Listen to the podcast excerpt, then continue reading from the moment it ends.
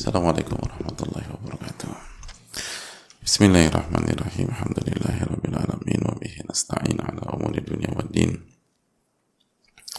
والصلاة والسلام على أشرف الأنبياء والمرسلين وعلى آله وصحبه ومن سار على نهجه بإحسان إلى يوم الدين وبعد. اللهم إنا نسألك علما نافعا ونعوذ بك من علم لا ينفع. Ya Allah berikanlah kami ilmu yang bermanfaat dan lindungilah kami dari ilmu yang tidak bermanfaat. Hadirin Allah muliakan. Alhamdulillah kita bersyukur kepada Rabbul Alamin atas segala nikmat yang Allah berikan kepada kita. Sebagaimana salawat dan salam semoga senantiasa tercurahkan kepada Rasulullah alaihi salatu wassalam beserta para keluarga, para sahabat dan orang-orang yang istiqomah berjalan di bawah naungan sunnah beliau sampai hari kiamat kelak.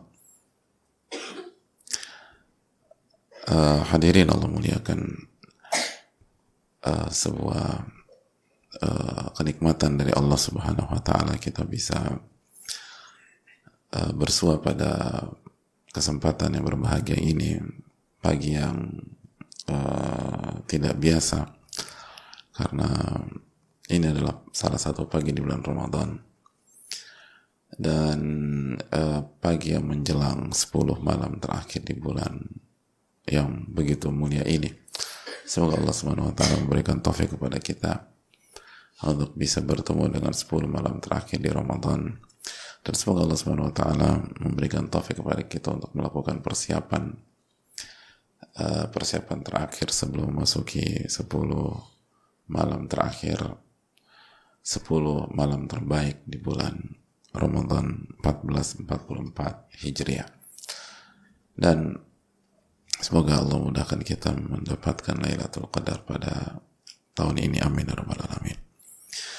Sebagaimana salawat yang salam semoga senantiasa tercurahkan kepada Rasulullah alaihi salatu wassalam beserta para keluarga, para sahabat dan orang-orang yang istiqomah berjalan di bawah naungan sunnah beliau sampai hari kiamat kelak. Hadirin Allah muliakan kita akan uh, kembali bersama uh, Riyadus Salihin bersama Al-Imam Yahya bin Sharaf bin Murri Abu Zakaria atau yang biasa dikenal dengan nama Al-Imam An-Nawawi rahimahullah ta'ala. Dan masih bersama bab Birul Walidain dan Silatul Arham. Dan masih bersama hadis-hadis yang dibawakan oleh Al-Imam An-Nawawi rahimahullah taala. Dan kita masuk ke hadis Asma binti Abi Bakar As-Siddiq radhiyallahu taala anhuma. Al-Imam Nawawi semoga Allah merahmati beliau, keluarga beliau, orang tua beliau, guru-guru beliau dan semoga Allah merahmati seluruh ulama dan umat sampai akhir zaman nanti. Beliau menyampaikan rahimahullah taala wa an Asma binti Abi Bakar As-Siddiq radhiyallahu taala anhuma dari Abu Bakar atau dari Asma anaknya Abu Bakar As-Siddiq radhiyallahu taala anhuma. Asma anak dari Abu Bakar radhiyallahu taala anhu.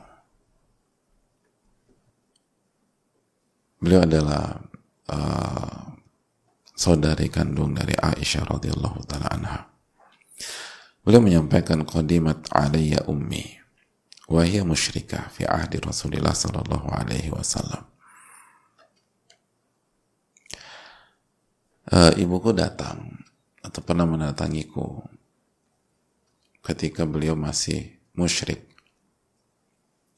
masih belum beriman pada masa Rasulullah SAW.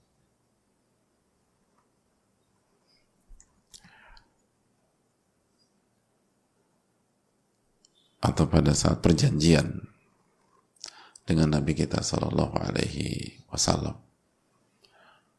Perjanjian di sini Hudaybiyah. Fastaftaitu Rasulullah Sallallahu Alaihi Wasallam. Maka aku meminta fatwa dan bertanya kepada Rasulullah Sallallahu Alaihi Wasallam.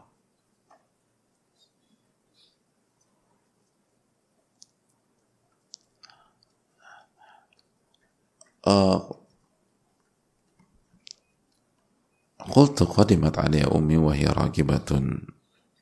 Afa asir ummi? Asma mengatakan kepada Abu, uh, kepada Rasulullah SAW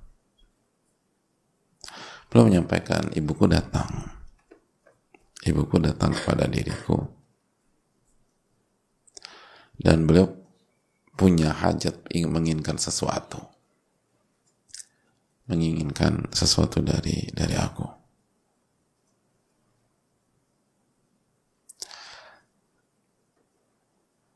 Hadirin Allah muliakan.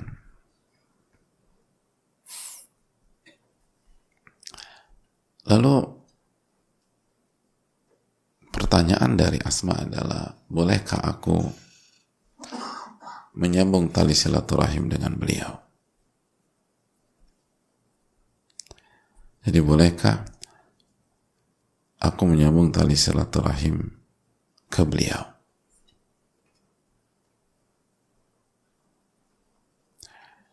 lihat uh, beliau minta izin karena ibunya masih dalam kondisi uh, belum beriman. Lalu apa kata Nabi SAW? Kata beliau alaihi salatu wassalam, Naam, sili ummik. Atau naam, sili uh, sili ummaki Iya, jelas. Sambung tali silaturahim dengan ibumu.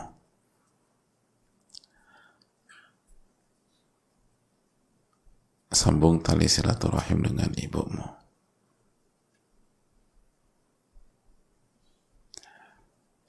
Hadis ini dikeluarkan oleh Bukhari Muslim.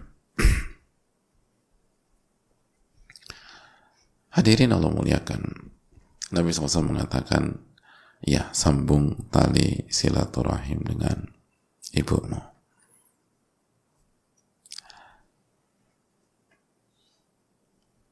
Mari kita bersama dengan hadis ini. Sebelum kita bicara tentang fawaidnya atau pelajaran yang bisa kita petik dari hadis ini, mari kita sejenak bersama Asma binti Abu Bakar. Asma binti Abu Bakar.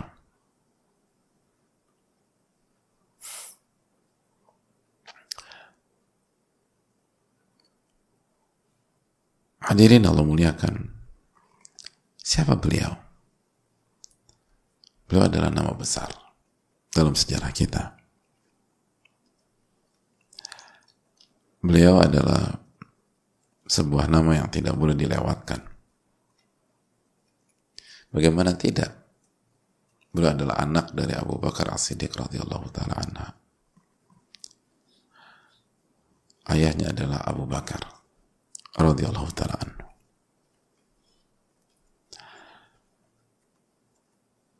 Dan beliau adalah istri dari Zubair.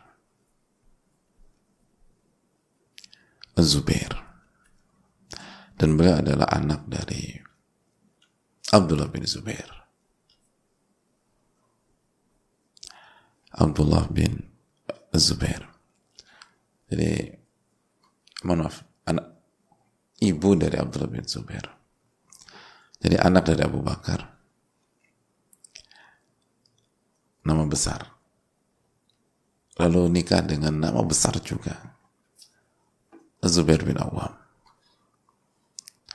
Lalu anaknya menjadi orang besar juga. Abdullah bin Zubair.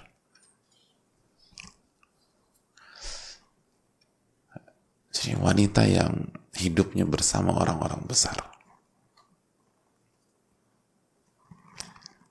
Hidupnya di lingkungan nama-nama terbaik Abu Bakar, As-Siddiq, Az-Zubair bin Al-Awwam, lalu Abdullah bin Zubair. Hadirin Allah muliakan.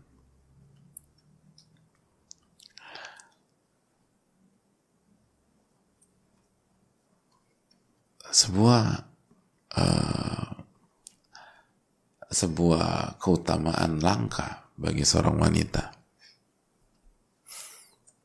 Ada banyak wanita itu dikelilingi oleh orang-orang yang gak berkualitas. Suaminya gak berkualitas. Atau ayahnya dan sebagainya. Tapi Asma tidak. Asma yang dikelilingi oleh nama-nama besar. Bukan hanya berkualitas, nama-nama besar. Abu Bakar, Az-Zubair, dan Abdullah bin Zubair. Dan beliau adalah saudari dari Aisyah radhiyallahu taala. Bayangkan saudari kandungnya adalah Aisyah. Artinya saudarinya adalah Aisyah.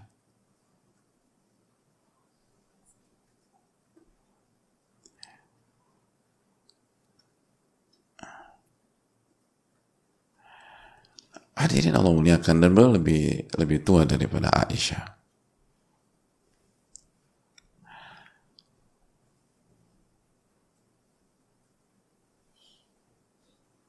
Lebih tua daripada Aisyah beberapa belas tahun.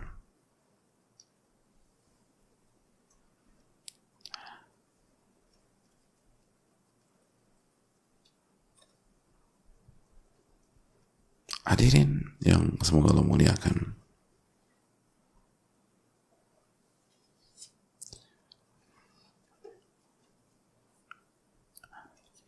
Lalu beliau lahir uh, kurang lebih 27 tahun sebelum hijrah. Jadi baru lahir 27 tahun sebelum hijrah.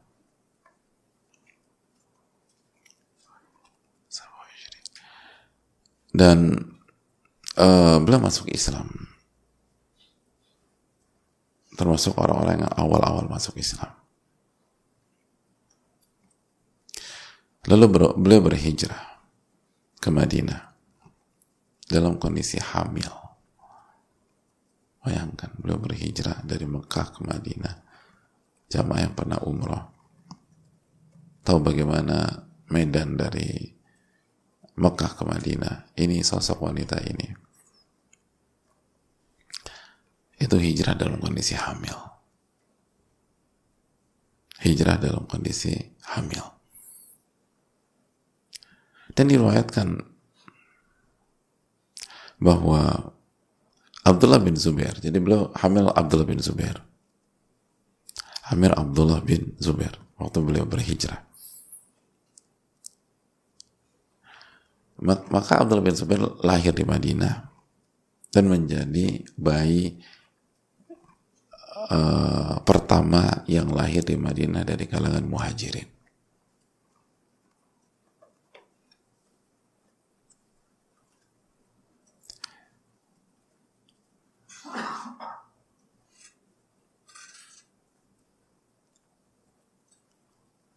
Hadirin Allah muliakan.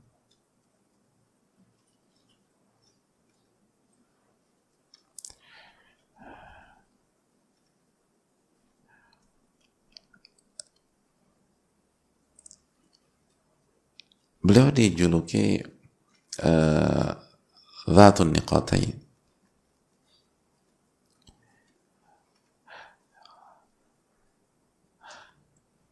atau wanita memiliki dua dua dua sabuk atau dua ikat pinggang atau dua selendang. Di tauqain uh, Kenapa disebut Dhatun Niqa, uh, Nitaqain? Karena pada saat uh, Abu Bakar, uh, Nabi SAW dan Abu Bakar berhijrah,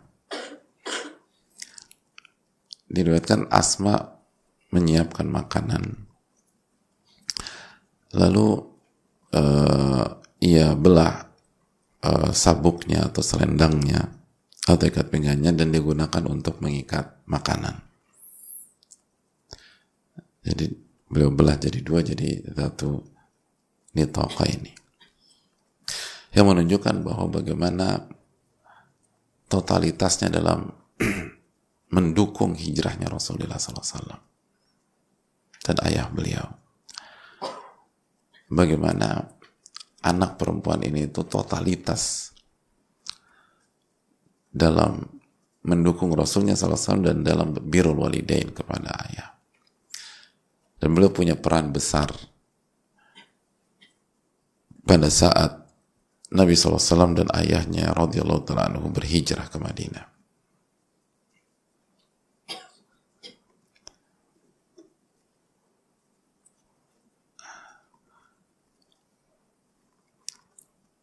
Dan pengorbanannya luar biasa.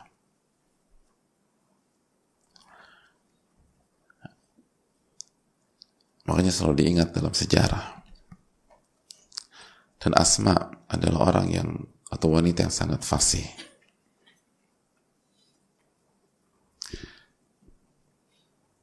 Dan beliau bisa menyampaikan syair. Kecerdasan linguistik beliau luar biasa.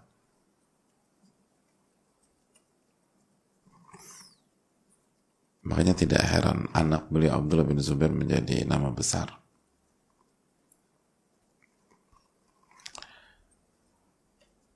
Dan diriwayatkan bahwa Abdullah bin Zubair menjadi uh, yakin ketika berhadapan dengan Hajjaj bin Yusuf itu karena nasihat dari dia nasihat dari Asma binti Abi Bakar, ibunya.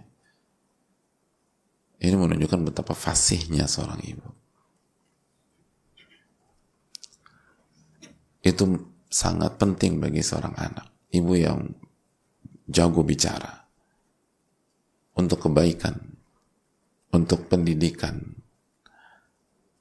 itu sangat mempengaruhi mental dan keberanian seorang anak.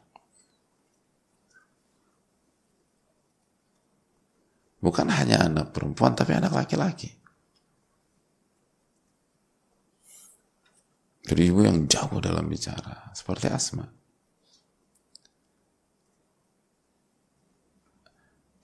Dan kemampuan bicaranya bukan digunakan untuk ngomongin orang. Kemampuan bicaranya bukan digunakan untuk gibahin orang, bicarakan aib orang atau nggak jelas ngomongin A, ngomongin B. Kemampuan bicaranya digunakan untuk mendidik. Untuk membangun narasi bagi keluarganya, khususnya bagi anak-anak. Untuk mengarahkan, untuk memotivasi, untuk mensupport. Untuk mengangkat moral dan itulah Asma binti Abi Bakar.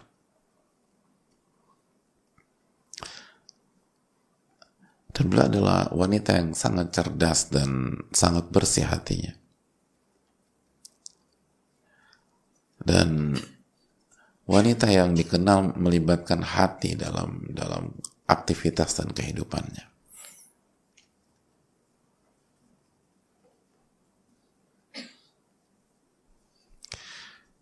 Dan sangat peka. Asma itu sangat peka.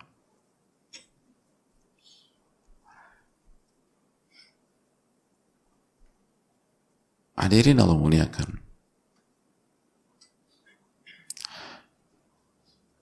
Makanya beliau kan sangat ketika menjadi istri itu sangat membantu suaminya Azubair salah satu ikon seorang istri yang berkhidmat kepada suami Asma binti Abi Bakar dan bukan hanya membantu suami, beliau itu sangat peka dengan suami beliau. Beliau tahu suami beliau itu uh, pencemburu. Dan beliau tuh ngejaga itu. Sangat menjaga.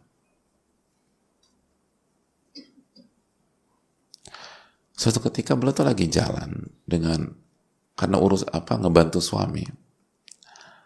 Lalu bertemu berpapasan dengan Nabi SAW dan uh, ada beberapa beberapa orang di sana.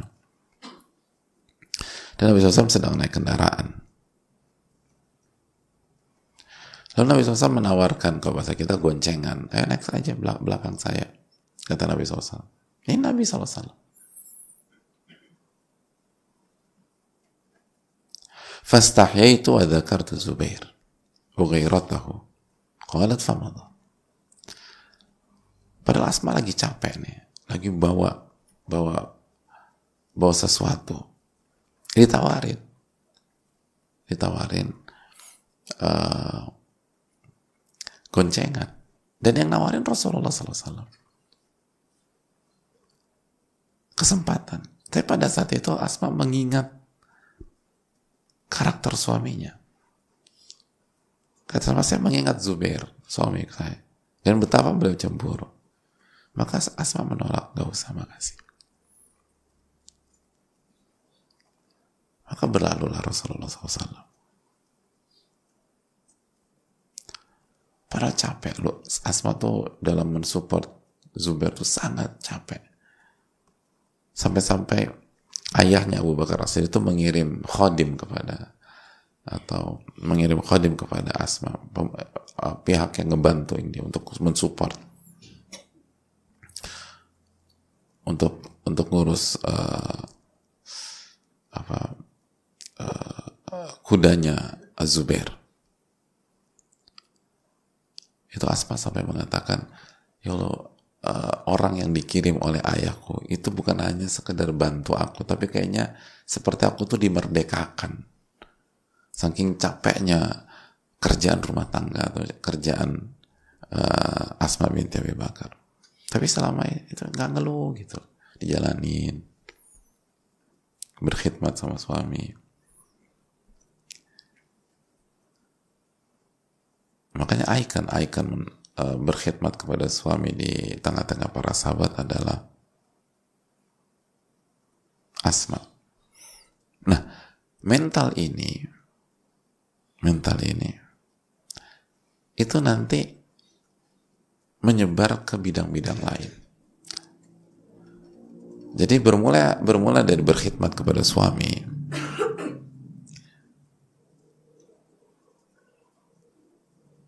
Nanti itu uh, apa itu hulunya nanti hilirnya berkhidmat kepada umat. Berkhidmat kepada masyarakat. Melayani gitu melayani banyak orang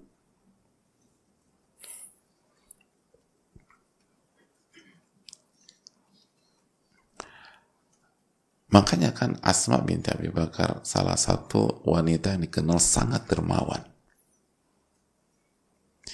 Sampai-sampai Ibnu Zubair eh, radhiyallahu ta'ala mengatakan, saya nggak pernah melihat ada wanita yang paling dermawan dibanding dua orang. Aisyah dengan Asma. Itu kata Ibnu Zubair. Aisyah dan Asma. Saudara, saudari ini. Aisyah dan Asma. Tapi royalnya tuh beda. Dermawannya tuh beda, kata Ibnu Zubair. Kalau Aisyah itu dermawannya pakai mantap menabung kata beliau ditabung ditabung ditabung begitu udah banyak baru dibagi-bagiin tapi kalau asma nggak pakai mantap menabung ada kasih ada kasih ada kasih ada kasih nggak punya tabungan asma nggak punya tabungan Makanya kalau ada yang bertanya, sebenarnya kita tuh perlu nabung gak sih gitu loh. Bebas aja itu kembali ke, kepada setiap orang.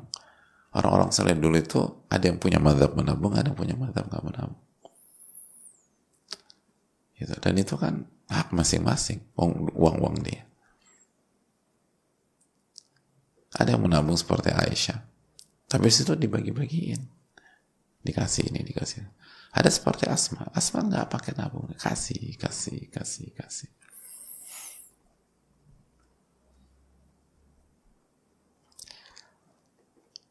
Itu poin. Dan Asma itu sangat berani ya mas dan kuat. Wanita yang kuat. Jadi jadi beliau tuh kuat secara mental dan kuat secara fisik. Dan jarinya tuh besar.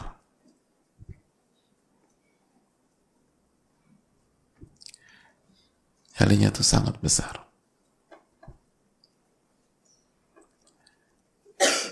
Sangat besar. Makanya kan beliau uh, hadirin Allah muliakan. Beliau berani bicara apa adanya di hadapan Hajat bin Yusuf. Hajat bin Yusuf. dihadapi sama Asma binti Abi Bakar nggak basa-basi sama Hajat bin Yusuf padahal itu salah satu nama yang sangat menakutkan dunia pada masanya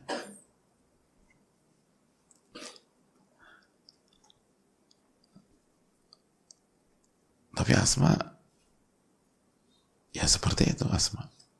Lalu beliau berhijrah dalam kondisi hamil. Jadi bayangin gak sih berhijrah dalam kondisi hamil.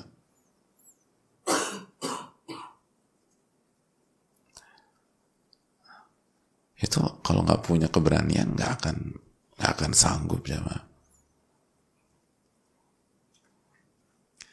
terus ikut di Yarmuk itu Asma. Peperangan Yarmuk itu Asma ikut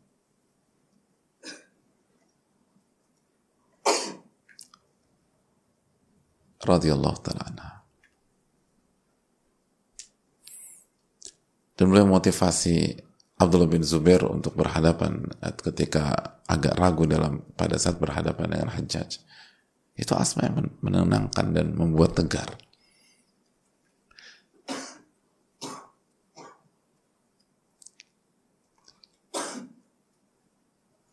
Dan beliau wafat di usia kurang lebih 100 tahun. Asma. Dan ketika wafat, itu giginya nggak ada yang bolong kata utuh. Dan akal beliau, cara berpikirnya masih bagus. Oh ya tadi, berarti wanita yang sangat kuat. Secara fisik maupun secara batin. Dan Allah panjangkan usia beliau. Beliau wafat di Mekah.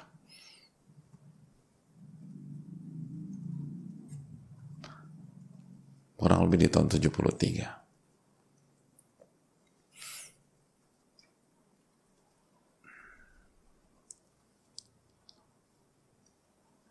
itu ketika ikut Yarmuk itu bareng suami, bareng anak.